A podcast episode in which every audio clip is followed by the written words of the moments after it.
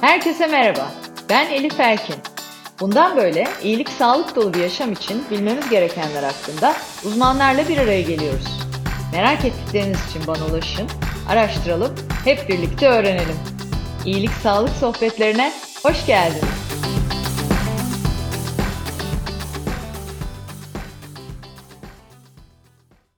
İyilik Sağlık Sohbetlerinin yeni bölümüyle karşınızdayım. Bu bölümde konuğum kadın hastalıkları ve doğum uzmanı Profesör Doktor Taner Usta. Taner Hocam öncelikle davetimi kabul ettiğiniz için çok teşekkür ederim. Hoş geldiniz. Elif Hanım günaydın. Ee, herkese merhaba. Sorulara geçmeden önce Taner Hocam'ı sizlere kısaca anlatmak isterim. Ee, tabii o kadar çok tecrübe ve e, emek var ki yıllar içinde kısaca anlatmak çok kolay olmayacak ama e, şu an Acıbadem Altunzade Hastanesi'nde kadın hastalıkları ve doğum uzmanı olarak görev yapıyor Taner Hocam. 1974 yılında Antakya'da doğdu. 1999 yılında İstanbul Üniversitesi Cerrahpaşa Tıp Fakültesinden mezun oluyor. Kadın hastalıkları ve doğum uzmanlık eğitimini Türkiye Cumhuriyeti Başbakanlık Vakıf Kuraba Eğitim Araştırma Hastanesi'nde tamamlayarak 2004 yılında kadın hastalıkları ve doğum uzmanı oluyor. Özellikle endoskopi yani bu kapalı ameliyat dediğimiz ameliyatlar, laparoskopi ve robotik cerrahide, çikolata kisti diye bildiğimiz bugün konuşacağız endometriozis ve pelvik ağrı üzerine yurt içinde ve yurt dışında İspanya, Fransa, Amerika, Kanada, Danimarka gibi e, ülkelerde eğitimlere katılan Taner Usta e, çikolata kisti, pelvik ağrı ve ileri pelvik cerrahi ile ilgili eğitimini tamamlayan dünyadaki 10 kişiden biri.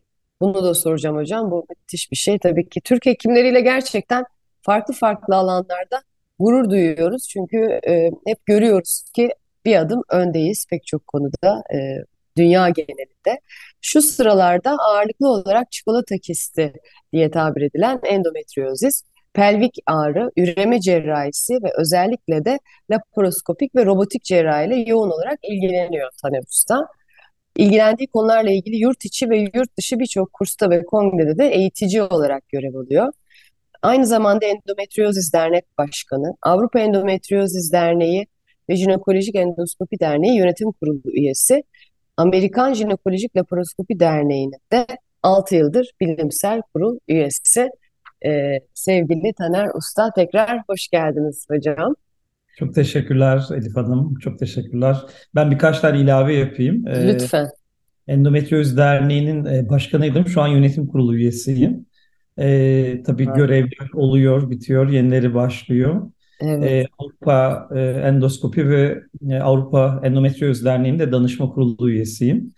E, zamanında bu pelvik sinirlerle ilgili işte iki elimiz kadar insandık ama şimdi birçok meslektaşım e, bunlarla ilgili eğitimlerini tamamlıyor. Zannedersem şu an 50 civarında insan bu bizim uğraştığımız pelvik sinirlerle ilgili alanda eğitimlerini tamamladı ve pratik hayatın içinde bu ciddi rahatsızlıklarla e, mücadele ediyor. Hastaların yanında oluyor. Yani zamanda evet çok az kişiydik, 9-10 kişiydik.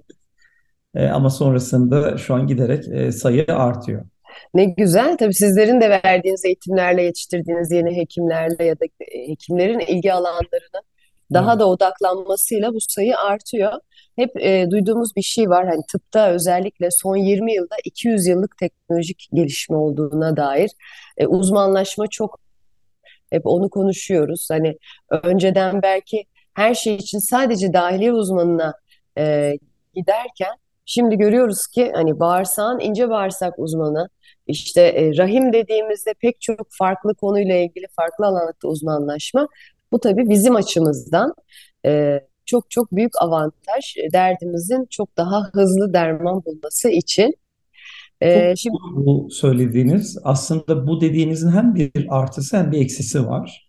Artısı bir konuda çok derinlemesine indiğiniz zaman onun hangi boyutta, ne kadar sürede nasıl etkileyeceğini, nasıl tanı koyacağınızı ve nasıl yöneteceğinizi iyi biliyorsunuz. Eksisi ise ee, bu kadar uzmanlaşmış insana ihtiyaç duyulması. Yani bilgi tabii çok kıymetli ve şu an eskiye göre erişim çok kolay. Fakat çok bilgi var. Yani çok bilginin içerisinde de bazen kaybolabiliyorsunuz. Ben bir küçük anımı anlatayım sizi. Ben Cerrahpaşa'da öğrenciyken hatırlıyorum bir e, hocamız e, işte bu yapay kulakla ilgili bir ödev vermişti bize. Biraz böyle zorlama bir ödev. Ben de kızmıştım ne yapacağız ne edeceğiz. O zamanlar böyle PubMed ortada yok. Hani bizim şu an girdiğimiz tıbbi kütüphane diyelim. Online tıbbi kütüphane Evet. Amerika'daki. Çok kullanırız hepimiz araştırma yaparken. Yani ön taramaların çoğunu oralardan yaparız. Ve ona benzer veri tabanı içeren yerlerden yaparız. Ama o zamanlar Elif Hanım CD'ler vardı. CD'ler de aslında genç kuşak. Hani düşünün daha ondan öncesi de var. Ee, şu an hani kaydet tuşundaki kitaplar. e, şeyler. Biz CD'den, Medline'dan taramalar yaparak mesela o çalışmamızı yapabilmiştik. Ee, öyle bir online gireyimde aktif o an yüklendi mi, yüklenmedi mi, yeni bir şey bu hafta var mı? Ee, böyle bir şey yoktu. Tabii bilgiye erişim çok fazla fakat çok da ciddi bir bilginin derinliği giderek artıyor. Evet, e, kesinlikle tabii bilgi arttıkça bilgi kirliliği de artıyor hocam. Evet. E, o da bizim açımızdan ayrı bir handikap. O yüzden doğru güvenilir bilgi kaynağına ulaşmak da gerçekten bir başarı haline geldi günümüzde. CD deyince sizinle ortak tanıdığımız e, Deniz'le ilgili bir anı geldi aklıma. Şimdi ben o zaman Abdi İbrahim Otiska'da yeni çalışmaya başladım. E, işte 40 e, yaşımdayım. Ondan sonra o dönemde de Kenan Doğulu e, yeni bir single çıkarmış. Neyse biz de Deniz'le birkaç arkadaş benim arabadayız. İşte öğlen yemeğe gittik, dönüyoruz. Ben de yeni ilişki kuruyorum ekiple tabii falan. Dedim ki ya arkadaşlar dedim Kenan'ın CD'si çıkmış aldınız mı dedim.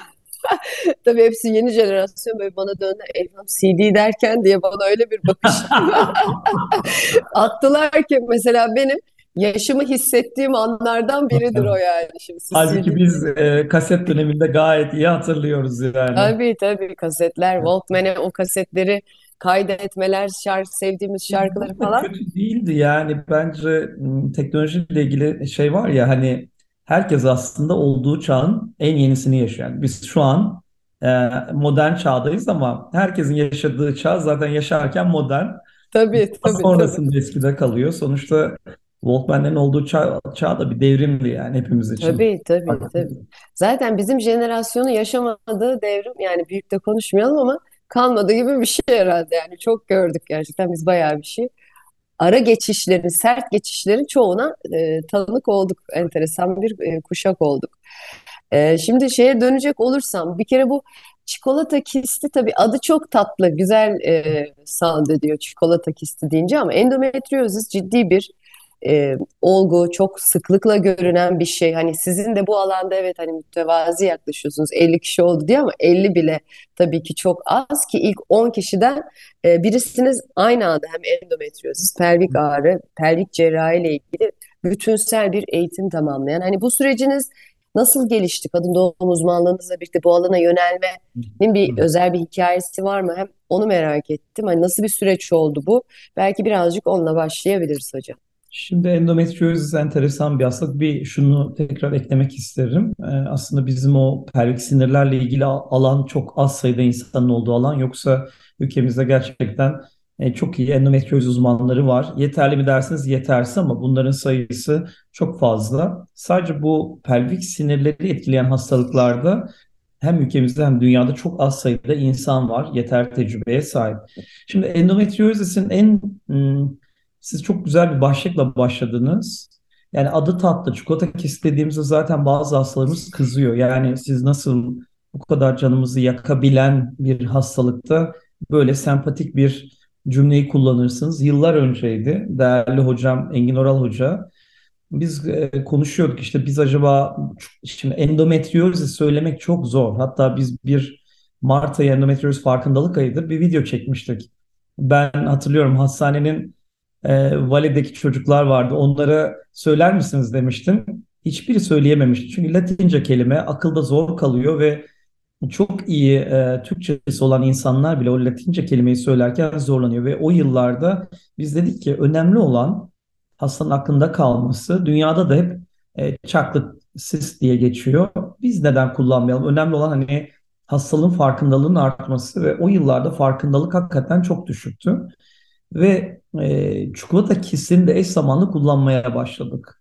Bu 10 yıllık dönem içerisinde hani bizim o kararı alıp bugünlere geldiğimiz dönem içerisinde gururla söyleyebilirim ki Türkiye'de taramalara baktığımızda Google'da çikolata kisti adı çok ciddi şekilde artmış durumda. Yani aslında o aldığımız karar e, Türkiye'de de e, insanların farkındalığın artması ve o isimle bu hastalığı araması açısından çalışmış gözüküyor. Her ne kadar bazı hastalarımız bu isme kızsa da haklı olarak.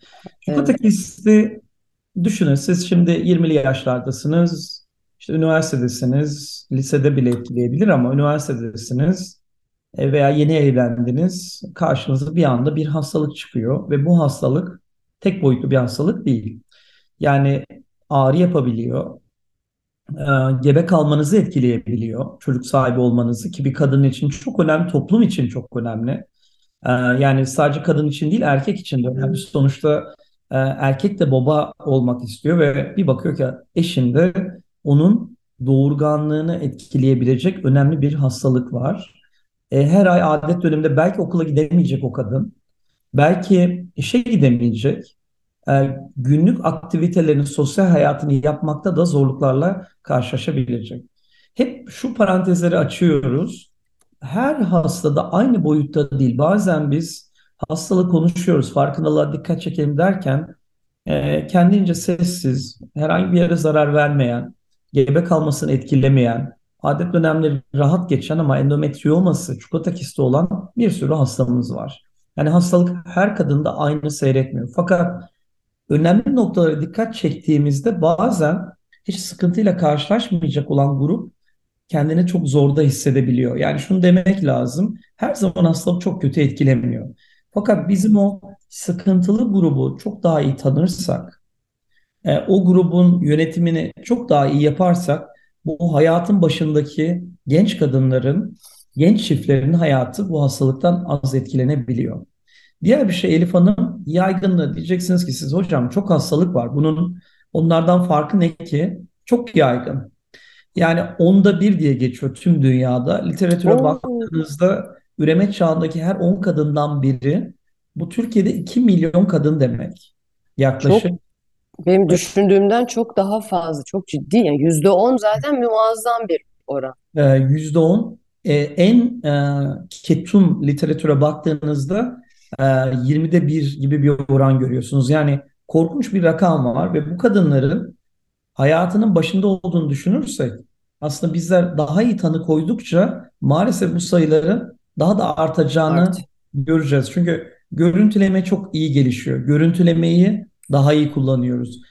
Eskiden hem görüntülemedeki ekipmanların görüntü kalitesi bu kadar iyi değildi. Ekipmanlar hayatımıza girdi. Ultrasondan tutun MR'a diğer görüntülemeleri. E, onları yorumlarken zorlanıyorduk. Fakat bilgi birikimi giderek arttı. Bu gördüğümüz teknoloji artık çok yeni değil. Oturmuş, klasikleşmiş ultrason, seçilmiş vakalarda bilgisayar tomografi az kullanıyoruz ama gene de yeri var veya MR ki çok önemli farklı yerlerde çok iyi bir şekilde kullanabiliyoruz. Bunların sayesinde daha iyi tanı koyuyoruz. Aslında daha iyi tanı koydukça yani tüm işte Türkiye olarak göz önünde bulundurduğumuzda bizler batısından doğusuna, kuzeyinden güneyine çok iyi bir programla tarasak biliyoruz ki aslında düşündüğümüzden çok daha fazla kadına karşılaşabiliyoruz. Buradaki en önemli nokta ne kadar onları etkilediği, e, nelerden onları alıkoyduğu veya bizler onu çok iyi yönetmezse, kafamız karışırsa yönetim konusunda ister bazen mesela izliyoruz, bazen bir e, medikal tedavi, ilaç tedavisi veriyoruz. Bazen de cerrahi tedavi alıyoruz. Hangisini nerede yapacağımızı güzelce belirlersek aslında bu hastalarımızı veya bu evli çiftlerimizi hastalık az olarak etkiliyor. Yoksa bakıyorsunuz bir ameliyat, iki ameliyat, beş tüp bebek üzerine üç ameliyat daha bizim daha önce haber olmuştu düşünün 12. ameliyatına girdik bir hastanın. Bir Amerika'dan hani dostumuzla konuştuğumuz zaman endometriozla uğraşan e, Taner'cim bu bir şey değil 20'leri göreceksin demişti. Aynı e, hastada. E, aynı hastanın 20 kez ameliyatı. Bu aslında çok iyi tanıyamayabildiğimizi sistemde yani evet. onları eğer biz bu kadar iyi tanırsak neden 20 kez o hasta ameliyata ihtiyaç duysun? E, vücut neden yeniden var? mi üretiyor hocam? Ee, yani siz ameliyatta sonuçta kistleri temizleme ameliyatı bu değil mi? Kistleri alıyorsunuz. Sonra vücut tekrar mı üretiyor yoksa dediğiniz tanıyamadığımız ve göremediğimiz kaçırdıklarımız olduğu için onlar büyüdüğünden mi yeniden aslında var olanlar? Aslında C şıkkı her ikisi. Yani bir hastalık kendini tekrarlayabiliyor. Fakat evet. bu ön planda hep bunu konuşsak da e, iki e, bazen hastalığın yaygınlığını çok iyi önceden öngöremeyebiliyoruz. Yani sağlık profesyonelleri bu konudaki e, uğraşan kişi sayısı sınırlı. Dolayısıyla e, orada bizler hastalığın sadece yumurtalığı değil de etraftaki dokuları da tutabildiği aklımızda olursa bağırsaklar, mesane, idrar borucu, diyafram, e, sezaryen yeri, e, eski doğum yaptığınız epizyo açıldıysa epizyo yeri yani kulakta, burunda, göz kanalı da hani çok bunlar nadir göbek deliğinde hastalık enteresan şekilde sanki bir kansermiş gibi e, farklı yerlerde karşımıza gelebiliyor. Düşünün akciğerde endometriozis e, tanısı Allah. var. Ve bizim mesela ben asistanken Allah Allah bu herhalde kitabi bilgi biz karşılaşır mıyız diye düşünürken e, bizim şu an akciğerde, plevrasında, diyaframında endometriozisli e, hastalarımız var tedavi ettiğimiz. Yani bunların tanılarını koyabiliyoruz. Peki yıllar önce bunlar yok muydu Elif Hanım? Bunlar hep vardı. Tabii. Farkındalığımız arttıkça hastanın klinik durumuyla mevcut muayenesini birleştirdiğimizde tanıyı koyabiliyoruz. Çok iyi tanı koyduğumuzda, yaygınlığını belirlediğimizde yaptığımız ameliyatta da hastayla önceden konuşup bakın içeride bizi bağırsaktaki tutulum, oradaki cerrahi, mesendeki tutulum, idrar borucundaki tutulum yani sadece kistteki değil bekliyor diye bilgilendirip tedavisini ona göre planlayabiliyoruz. Endometrioz tabii Evet, sadece kistler olarak değil, bu dediğim şekilde de var. Ama benim uğraştığım ana grup sadece kistler değil, daha çok derin endometriozla daha fazla uğraşıyorum. Ben pelvik ağrıyla uğraştığım için. Ama aklımızda yani yumurtalığında endometrioması olan bir kadında mutlaka etraf dokuda neler vardır ve bunları nasıl yönetiriz baştan planlayıp o hastaya anlatmak ve ona göre yönetmek gerekiyor. Buna göre yönettiğimizde bu tekrarlayan ameliyatlar e, sayısı çok sınırlı kalıyor veya tek bir cerrahiyle o hastayı e, tedavi etmiş oluyorsunuz. Zaten her zaman cerrahi de yapmıyoruz. Yani her hastada rutin cerrahi de yapmak gerekmiyor ama düşünün şimdi 10 tane ameliyat olup 11. 12. bu kabulü kolay olan sistemin karşılayabileceği bir şey de değil.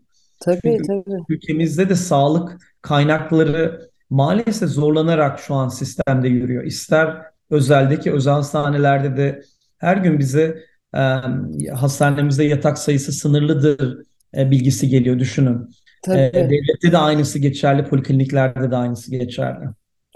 Çok e, yani mesela bilmediğim çok şey öğrendim hocam. Şimdi e, çikolata kisti bir kere e, önce şeyi sorayım. Yani nasıl anlıyoruz? Semptomlar ne? Ya da anla hani bazen dediğiniz gibi kimi ağrısız geçiriyor.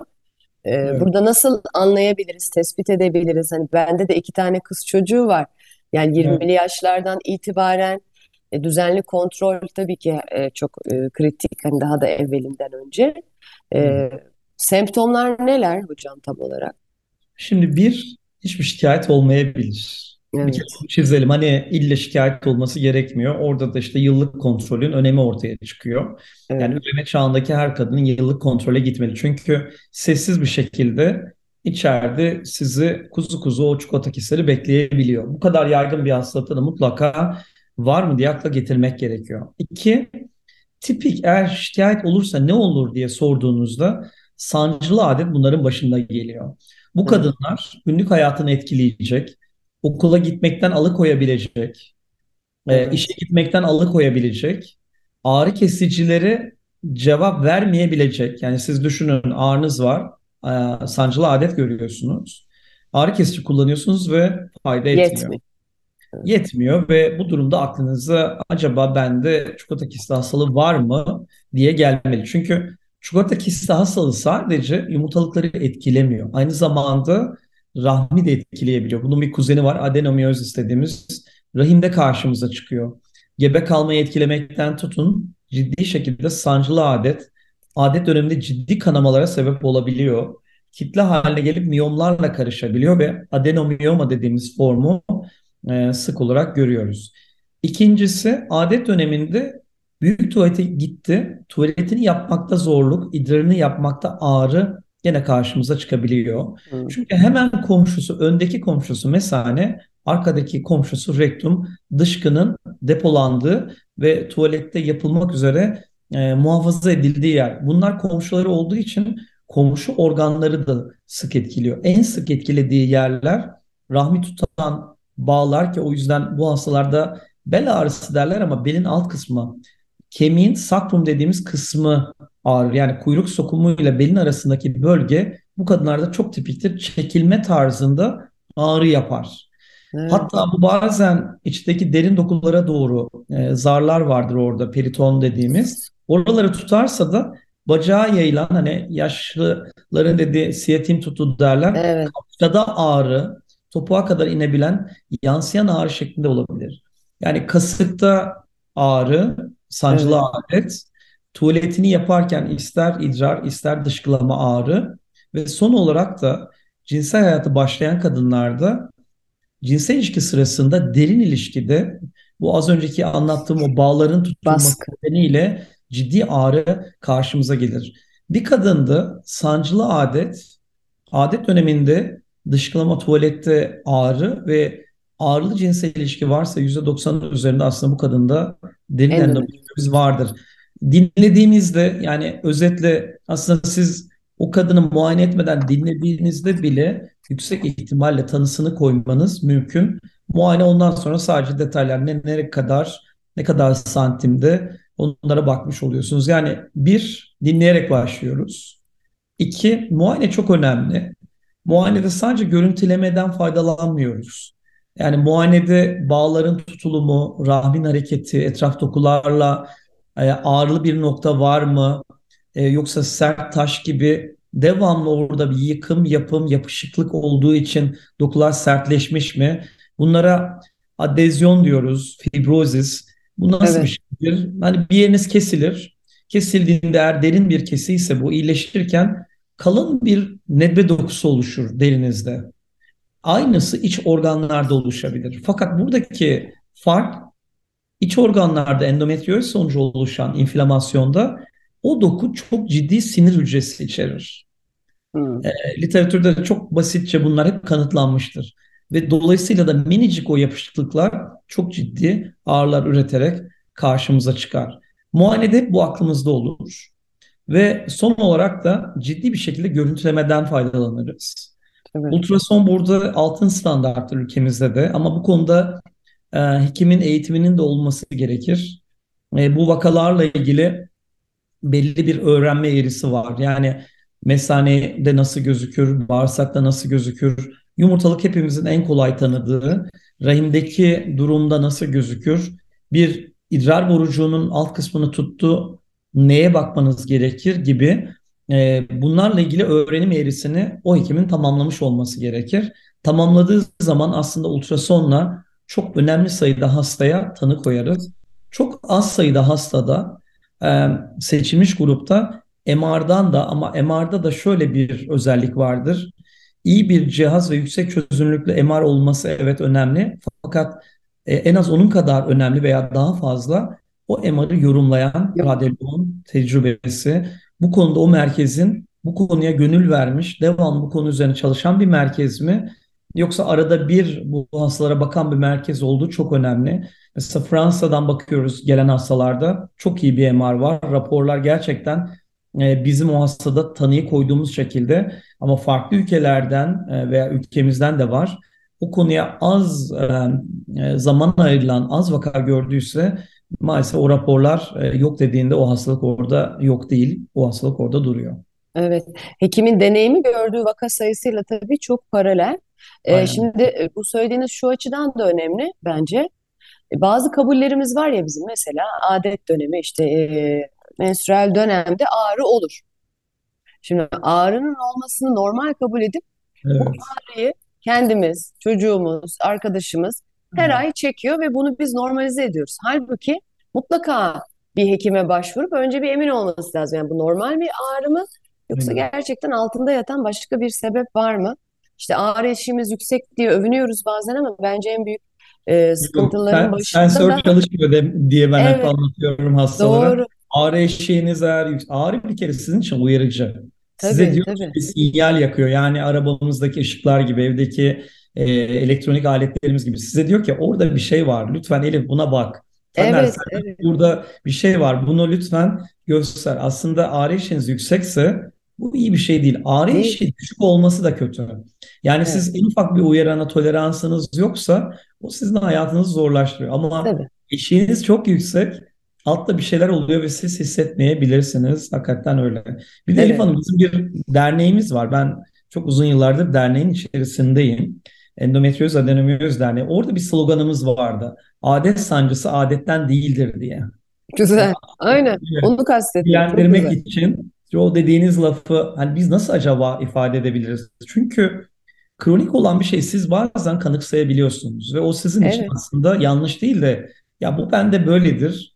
E, sık da görülen bir şeyse e, herkeste de gözüküyor. O zaman bu normali budur dediğiniz zaman zaten e, geride kalmış oluyorsunuz. Tabii tabii. Çok bir de hatta böyle amma nazlı tabii ki olacak. Hani e, arkadaşlar arasında da ben Kimde yok ki? çocuklar kimde Evet. yok ki? E, biz neler gördük falan. İşte o e, bazı şeylerin arka planda kalmasına neden oluyor maalesef. Burada özellikle hani bir şeyi merak ediyorum. Çikolata kisti genelde ben hep şunu duyuyorum. Tek teker teker gelmiyor hocam bunlar. E, genelde çoklu sayı duyuyoruz çikolata kistiyle alakalı. Böyle bir şey var mı? Yani bir tane çikolata kisti olan sayısıyla çok olanın sayısı arasında baktığınızda siz nasıl bir rakamsal şey var? Fark? Şimdi sıkıntı şu, e, tek taraflı olanlar etrafta yaygın değilse o benim az önce bahsettiğim ağrılı durumlara neden olabilecek e, olan formları az gözüküyor. Ama çift taraflı sağda ve solda biz bunları yani literatürde şöyle tanımlanmış, e, öpüşen kistler deniyor, birbirlerine yapışıyorlar. E, ve bu yapışıklık olan grupta biliyoruz ki derin endometriozi sık görülüyor. Derin endometrioz gerçekten çok zorlayan, tedavisi e, birçok hekimi gerektiren yani üroloji, kolorektal cerrahi, e, diyafram akciğeri tuttuğunda göğüs cerrahı gibi hani bir tane sadece kadın doğumcuyu değil e, Evet, birden fazla disiplinde bu konuya gönül veren hekimleri gerektiriyor. Tek izole ise aslında o kadar bizim hayatımızı etkilemiyor. Çift taraflıysa hem bu dediğim formlar fazla bir daha da önemlisi bu genç kadınlarda yumurtalık rezervi dediğimiz yumurtalığın içerisinde oositler var. Endometrioz hep hastalara anlattığımız şey en kıymetli kumaş kadınlarda yumurtalıklar yani kadını kadın yapan şey e, overler ve overler östrojen salgılarsa kadını kadın yapan özellikler karşımızda. Ne yapıyor endometriozis? Overlerin içerisine yerleşiyor. En sık yerleştiği yer yumurtalıklar. Orada her ay yapım, yıkım ve bir hücre ölümü artmış bir e, yumurtalıkta ölüm karşımıza çıkıyor. Bu karşımıza ne olarak çıkıyor? Özellikle çift taraflı çoklu endometriomalarda azalan yumurtalık rezervi. Karşımıza sadece e, bir e, gebe kalmakta azalma değil, menopoz yaşının daha öne çekilmesi. Sonuçta yumurtanızda yumurta kalmazsa siz yaşlarınızda aynı zamanda menopoza da giremeyeceksiniz. Ve derin endometriozis, ağırlı endometrioz durumlarının daha sık hayatımıza girmesine sebep oluyor.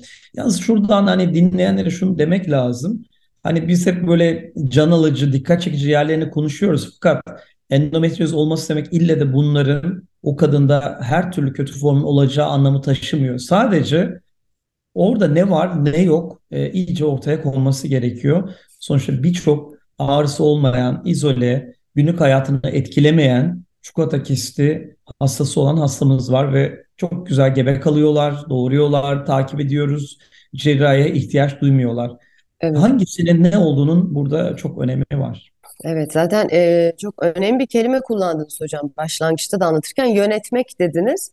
Doğru. Burada önemli olan şey o tespiti yapmak değil mi? Var mı yok mu onu bilmek. Boyutunu bilmek. Mesela ben bugün öğrendim. Benim de hep zihnimde o sadece rahimde görünen bir şey gibiydi. Halbuki e, rektumda diyorsunuz, akciğerde diyorsunuz. Yani çok çikolata kistinin ben aklıma gelmezdi akciğere de tutulum yapabileceği.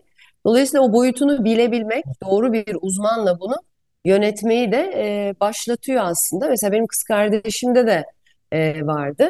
E, ama hekimiyle birlikte bu süreci gayet başarılı bir şekilde yöneterek doğumda e, gerçekleşti ve bir operasyonla alınmadan hatta doğumdan sonra alındı gibi bir durum oldu onda.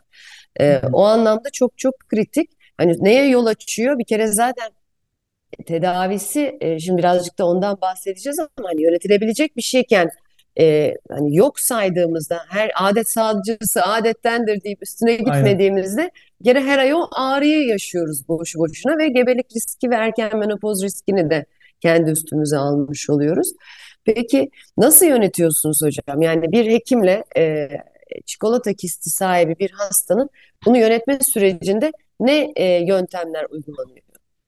Şimdi hastalık tanısını koyduktan sonra e, buradaki en önemli kavram hani tıpta kullanılır ve hastalar çok hoşuna gitmeyebilir ama hep bireyselleştirilmiş tedaviden söz ederiz biliyorsunuz. Tabii. Hani aynısı kanserlerde de vardır veya aynısı atıyorum romatolojik hastalıklarda da vardır. Birçok yerde olduğu gibi.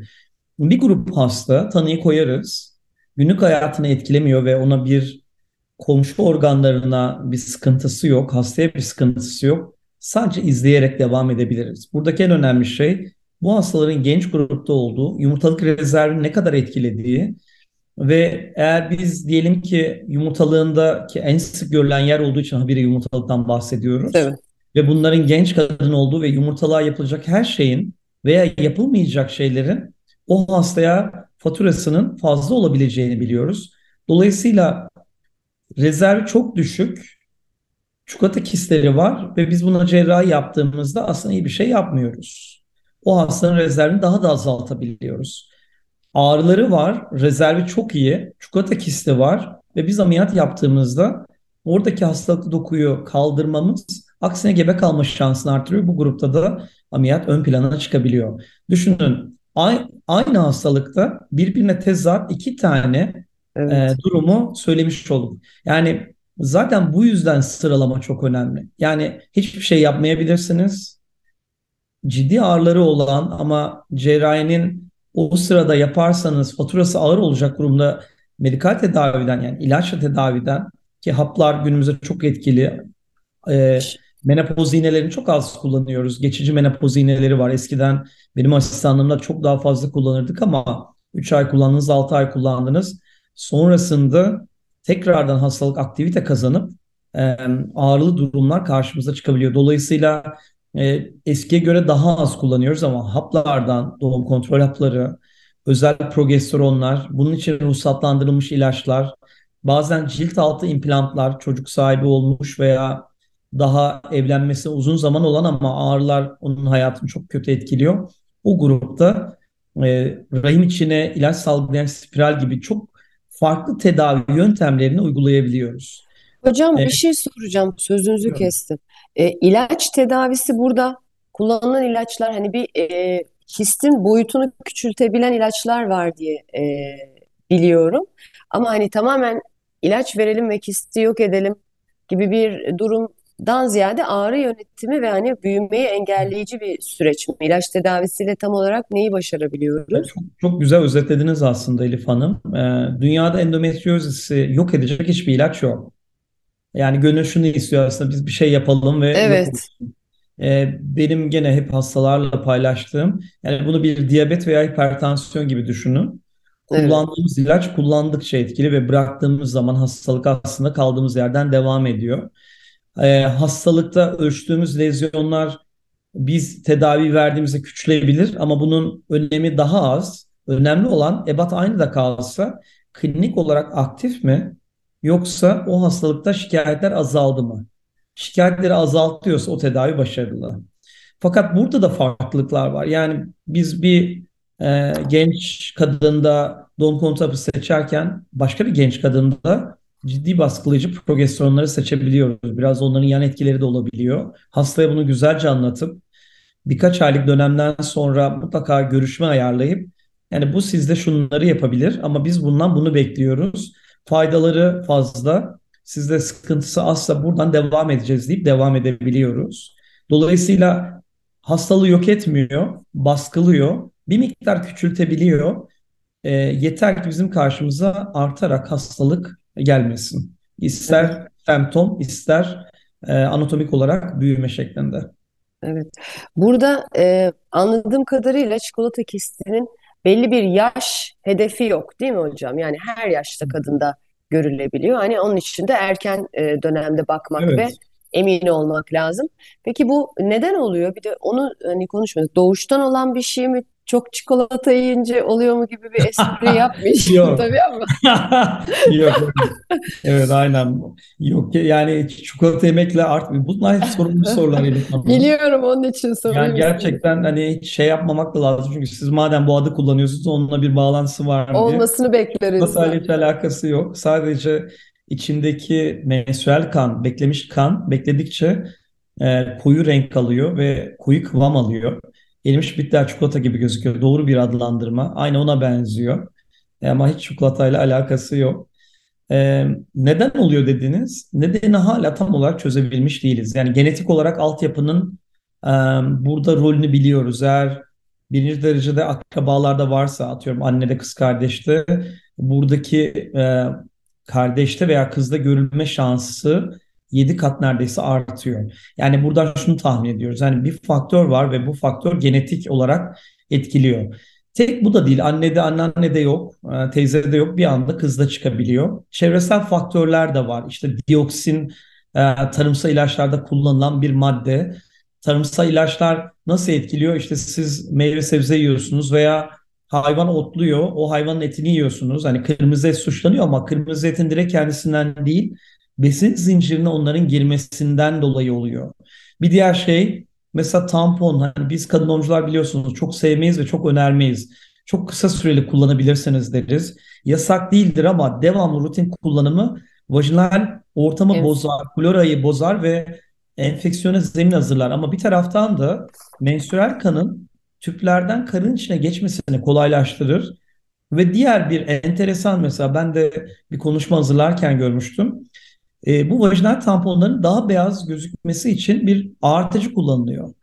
Bu ağartıcı siz vajinaya tamponu kullandığınızda sanki o bir fitil gibi vücudunuza o ağartıcı da bir miktar geçiyor. Ve bu ağartıcının endometriozisle ilişkili olduğu gösterilmiş. Düşünün siz Aa. tertemiz bembeyaz bir tampon kullanıyorsunuz ama o tampon beyaz hale gelmesi için bir ağartıcı kullanılmış. O ağartıcı sizin vücudunuza geçebiliyor. Yani özetle çevreye yaptığımız etkiler, beslenme şeklimiz, beslenme şekli aslında gıda zincirine eklenmiş, kirlenmiş olan ürünler diyelim. Süt de Evet. suçlanır, hayvansal gıdalar da suçlanır ama direkt birebir bunlar suçlu değil aslında. Bunların kirlenmesi nasıl erkekte de prostat kanseri riskini arttırır. Yani Evet. aldığımız tarımsal ilaçlar o hayvanın sütüyle bize geçiyor, etiyle geçiyor ve dolayısıyla vücudumuza almış oluyoruz. E, Bir de doğum e, doğuştan kaynaklanan adet kanının dışarıya atılmasını bozan durumlarda da adet kanı tüpler ve karnın içine doğru geçmesi artar ve sonuç olarak gene e, endometrioz riskinde artış meydana gelmektedir. Evet, evet. Çok önemli e, bilgiler.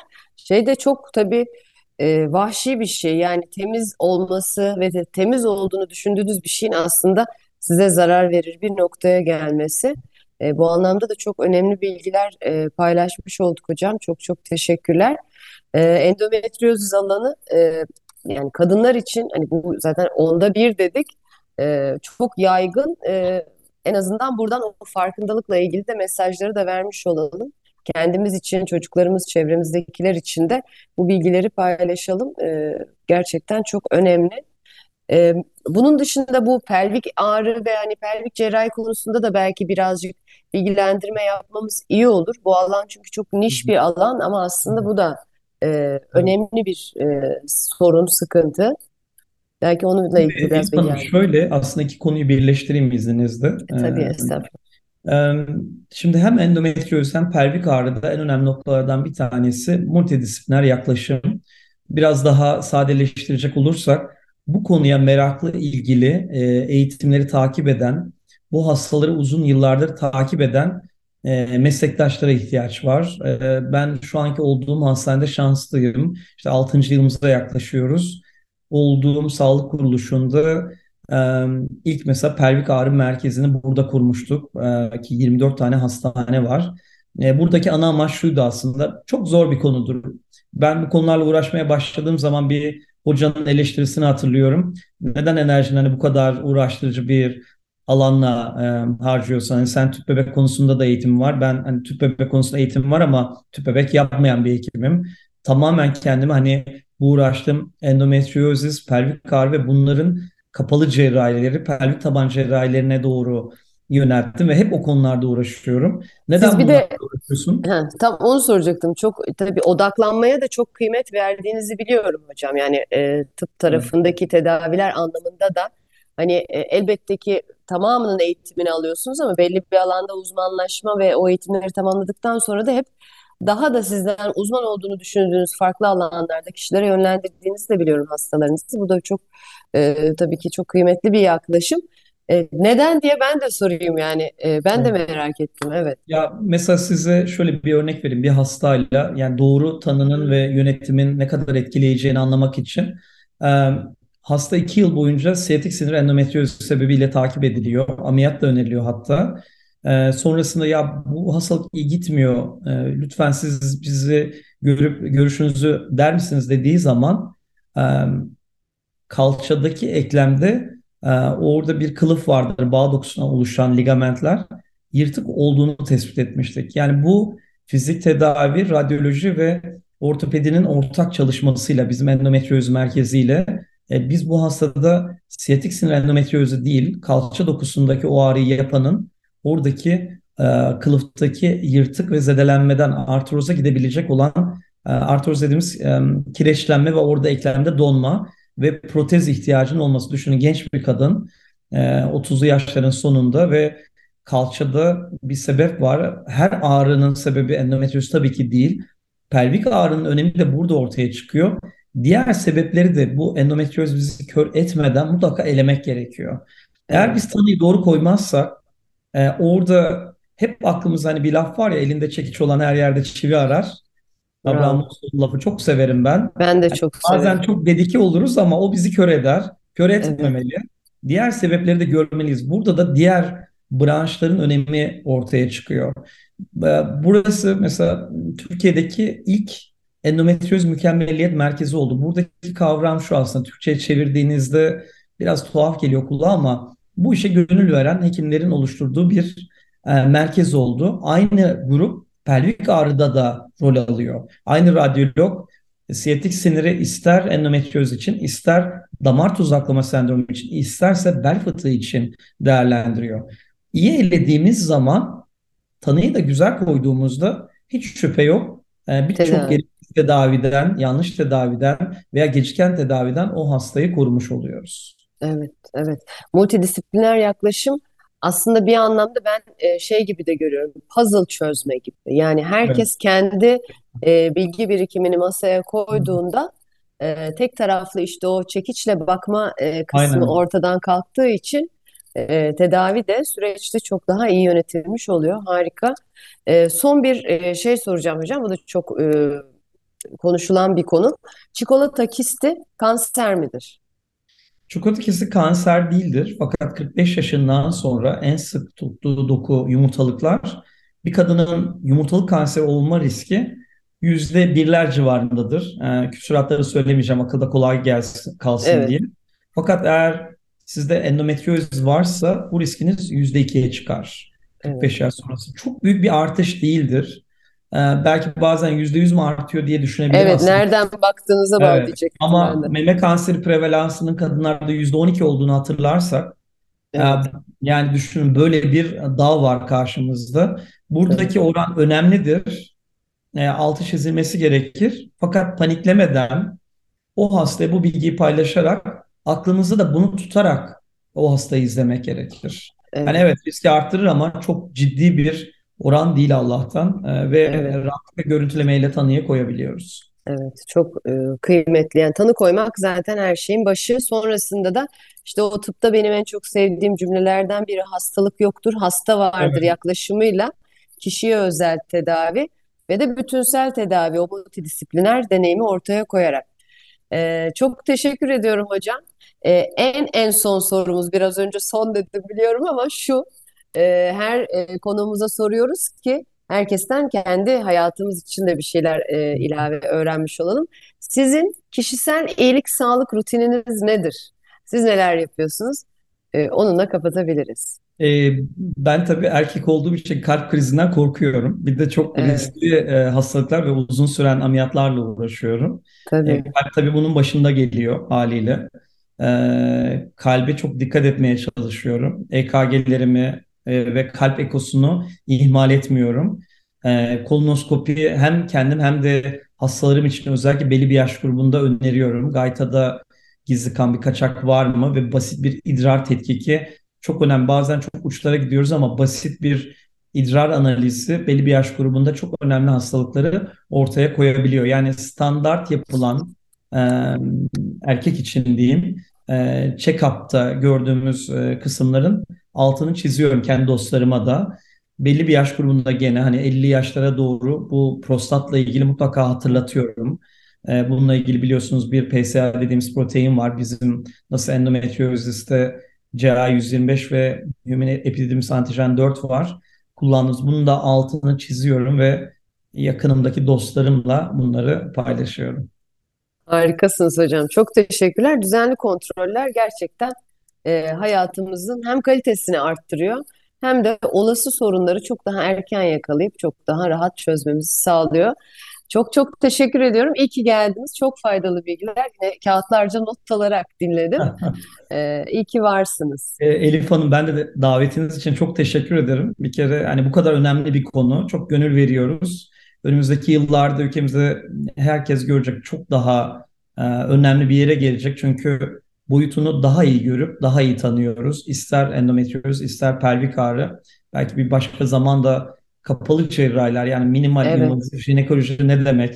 Laparoskopi robot ne demek? Belki onlar konuşulabilir. Onlar da kadın sağlığı için son derece önemli. Yani günübirlik büyük işler yapıp ay gün hastayı evine gönderebiliyorsunuz. Giderek sağlıktaki işler gerek tanı gerek ile ilgili değişiyor. Ben davetiniz için çok teşekkür ederim. Başarılar dilerim. Çok teşekkürler.